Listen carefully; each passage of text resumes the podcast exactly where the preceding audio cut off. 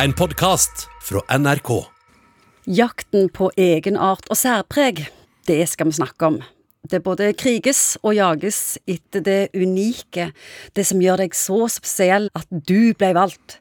Slagmarken er ofte sosiale medier, fritid eller jobbmarked.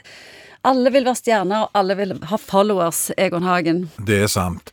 Og dette er nok litt utilsikta effekter av denne humanistiske revolusjonen som egentlig er gått, hvor vi fokuserte på muligheter, og at alle var tenkt i forhold til oppdragelse, at vi skal fjerne alle begrensninger, alle ting som holder folk nede, og at vi skal se på Nå er det ikke lov å bruke ordet mulighetsrom lenger, så jeg, men hva muligheter som faktisk, faktisk finnes.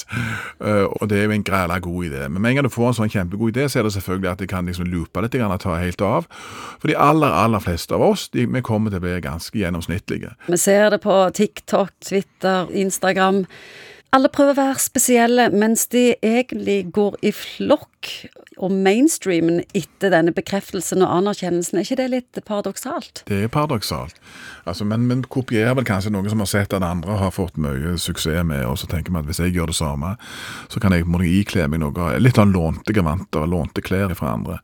Men den grunnleggende problematiske greien er når vi vet at det er på en måte sånn statistiske kvern som går gjennom livet vårt og gjør at vi ender opp liksom som Olsen og Hansen og ganske Det er et fint liv, det. Og faktisk være det. Å finne et eller annet som du kan bidra med. Det tror jeg er det aller, aller viktigste. Til tross for det så er det det er enormt mange unge mennesker som jakter nå. De jager og de jakter. Hvor kostbart er det for dem?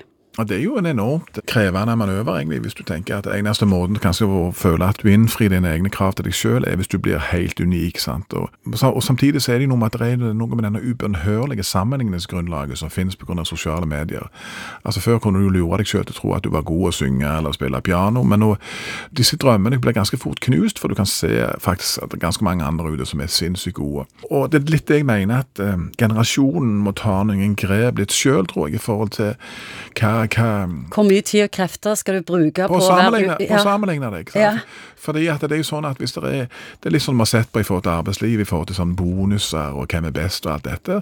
Hvis det er en, en avdeling på ti mann, så er det en som får en lønnsbonus. Så er det én mann som er fornøyd, så er det 19 som er ganske sure. Og er det spesielt lurt? Ideen er at konkurransen skal drive fra alle fram, mens det egentlig kan oppleves ganske demotiverende for andre. Og Sånn kan det være også i forhold til denne sammenligningsgenerasjonen som nå går, at, som er der nå, at de kan føle egentlig at de, de, de, de strekker ikke til alle. Så da sier psykologen at vi skal ikke gidde all denne egenarten. Ja, det hørtes jo kjipt ut, det òg. Jeg vil ikke helt stå for det. òg. Jeg er for egenart, kan du si. Men, men det er ideen at det ikke skal være imperativ Det skal ikke være krav til deg sjøl.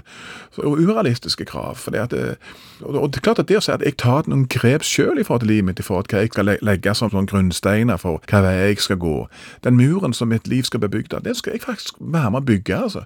Jeg skal ikke bare la den være en sammenskrudd forventningsgreie av en drøss med youtubere.